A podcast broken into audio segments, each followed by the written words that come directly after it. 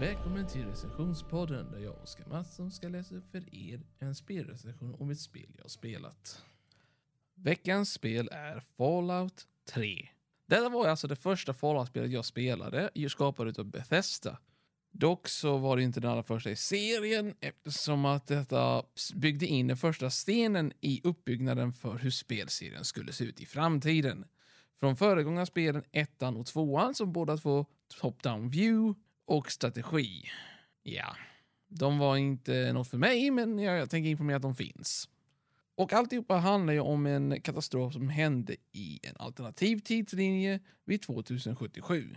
Eller var det 2277? Hmm. Ja, I alla fall. Spelet i sig handlar ju om din födelse som karaktär. Japp. Så långt bakåt ska du få vara med om detta storyn. Det handlar ju såklart inte om precis just då, men det handlar om efter det stora kriget. The Great War, som det kallas. Som var alltså det, ja, det som vi allihopa nu fruktar mest att vi kommer vara med om är ett atomkrig. Detta har hänt i denna världen. Och det varade i 12 timmar. Ja. En, ett stort krig som varade i 12 timmar bara och sen så var det över. Sen efter 200 år senare, det är då vi börjar, vi föds. Vår huvudkaraktär Hjalmar föds till två föräldrar, vilka vi inte kommer få veta en av namnen på dessa, men det finns information i cut content som berättar detta, vem hon var, din mor. Men i alla fall, din far James är en forskare som jobbar med att försöka uppfinna ett sätt att rena vattnet som fortfarande är radioaktivt i världen. Hela detta spelas ut i, i början, i alla fall i volt nummer 101, eller 101. Wow, den lät ju intressant. One on one brukar man ju säga vanligtvis när man säger liksom status quo eller början på en, liksom en mening till någonting. Oh well. Men i vilket fall. I denna bunker till valv, som man kan kalla det, har din far, läm- han, din far tagit hand om dig i 16 år, cirka. Jag vet inte exakt hur länge sedan allt hände, men jag tror det är 16 år sammanlagt. Eftersom att du föds och sen så tas du dit. Eller gör du? Är du född i valtet eller inte? Hmm. En myt att ta reda på. Upptäck själv. Vid denna ålder, vid 16 år, så upptäcks det att din far har lämnat valven, valvet. Men hur? När du har fått reda på hela din uppväxt att ingen lämnar valtet och att det har inte öppnats sedan det stängdes år 2077. Hmm. Sös. Mycket sös. I alla fall, du blir senare tvungen att lämna Walter för att hitta din far som har flytt ut i DC, eller ja, DC Wasteland som det heter. Detta Wasteland är också nu omdöpt istället för att vara, ja, eh, The Capital Wasteland som det heter istället. Är mycket mer uppbyggt med förstörda byggnader, småbyar. Den största staden du träffade på är den första staden du kommer till som heter Megaton. Megaton heter detta på grund av den stora atombomben som inte sprängts mitt i stan. Och det har bildats en kult som, som dyrkar den som en jävla gud. Ursäkta svordomen, men ni förstår vad jag menar. Dyrkar en bomb som inte har gått av än. Ja, ni förstår galenskapen.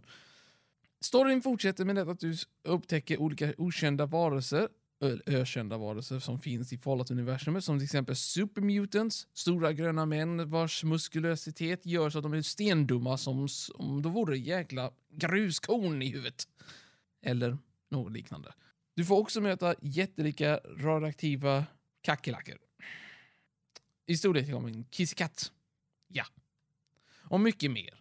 Det finns så mycket mer i Fallout-universumet som rekommenderas att du undviker eller inte ens kommer i kontakt med. Så till exempel den jättelika muterade ödlan vars namn heter Deathclaw. Det är liksom det sista du ser innan de tar död på dig. Där de namnet Deathclaw. Och det är inte de heter det för grund av något dumt. Nej, nej, de har dödsklor. Det är deras huvudpryl. De kliver dig i bitar och sen äter dig. Spelet är i alla fall uppbyggt på detta vis att det fortsätter framåt eh, med att hitta din far som i sin tur är placerad någonstans i, i världen. Du måste följa ledtrådarna som leder dig till var han är.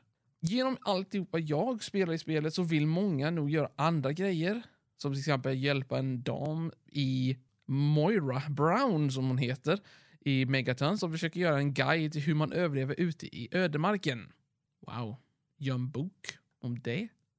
Det är ingen dum idé egentligen. Men Moira Brown är en väldigt mysko personlighet. Det är allt jag säger egentligen. Väldigt mysko personlighet. Hon är mycket... Oh, hey! I just made you into a piece of jarn. Eller garn, hur man säger egentligen. Ja, hon är lite mysko. Väldigt skrämmande. Du möter också andra karaktärer, ökända personer och mycket andra quests. Jag har räknat upp det som att om du spelar basspelet, vilket jag rekommenderar inte, bara basspelet till PC. för om du ska köpa det så är det inte värt det. Köp Game of the Year Edition. Du får allting för bara en enkel summa av 100 spänn. Ja, det är gammalt spel. Det är ett gammalt spel. Väldigt gammalt egentligen, detta spelet. Det finns problem, men det har löst sig med de åren. Och tack vare mod-sidan, eller modifikationsfolk, så har det blivit bättre. Detta spelet, enligt mig, förtjänar jag, jag satte egentligen 6 av 10, men eftersom att tekniken har gått framåt och liknande så skulle jag nog kunna sätta den på en 6,5 av 10. Det finns mycket grejer som kunde göras till spelet just då. Det bästa av allt, din karaktär är stum.